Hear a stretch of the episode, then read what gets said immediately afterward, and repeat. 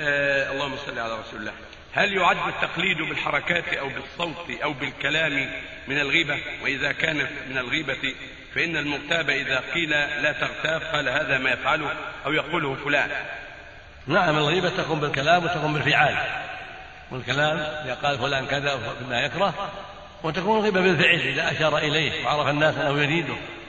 إذا كان يمشي مشيته مشيته أو يتكلم بكلامه على سبيل العيب له. والاستهزاء به أو ما أشبه ذلك من الإشارات التي يراد منها تحقيره ويراد منها ذمه هذا غيبة بالفعل نسأل الله العافية. ويل لكل همزة لمزة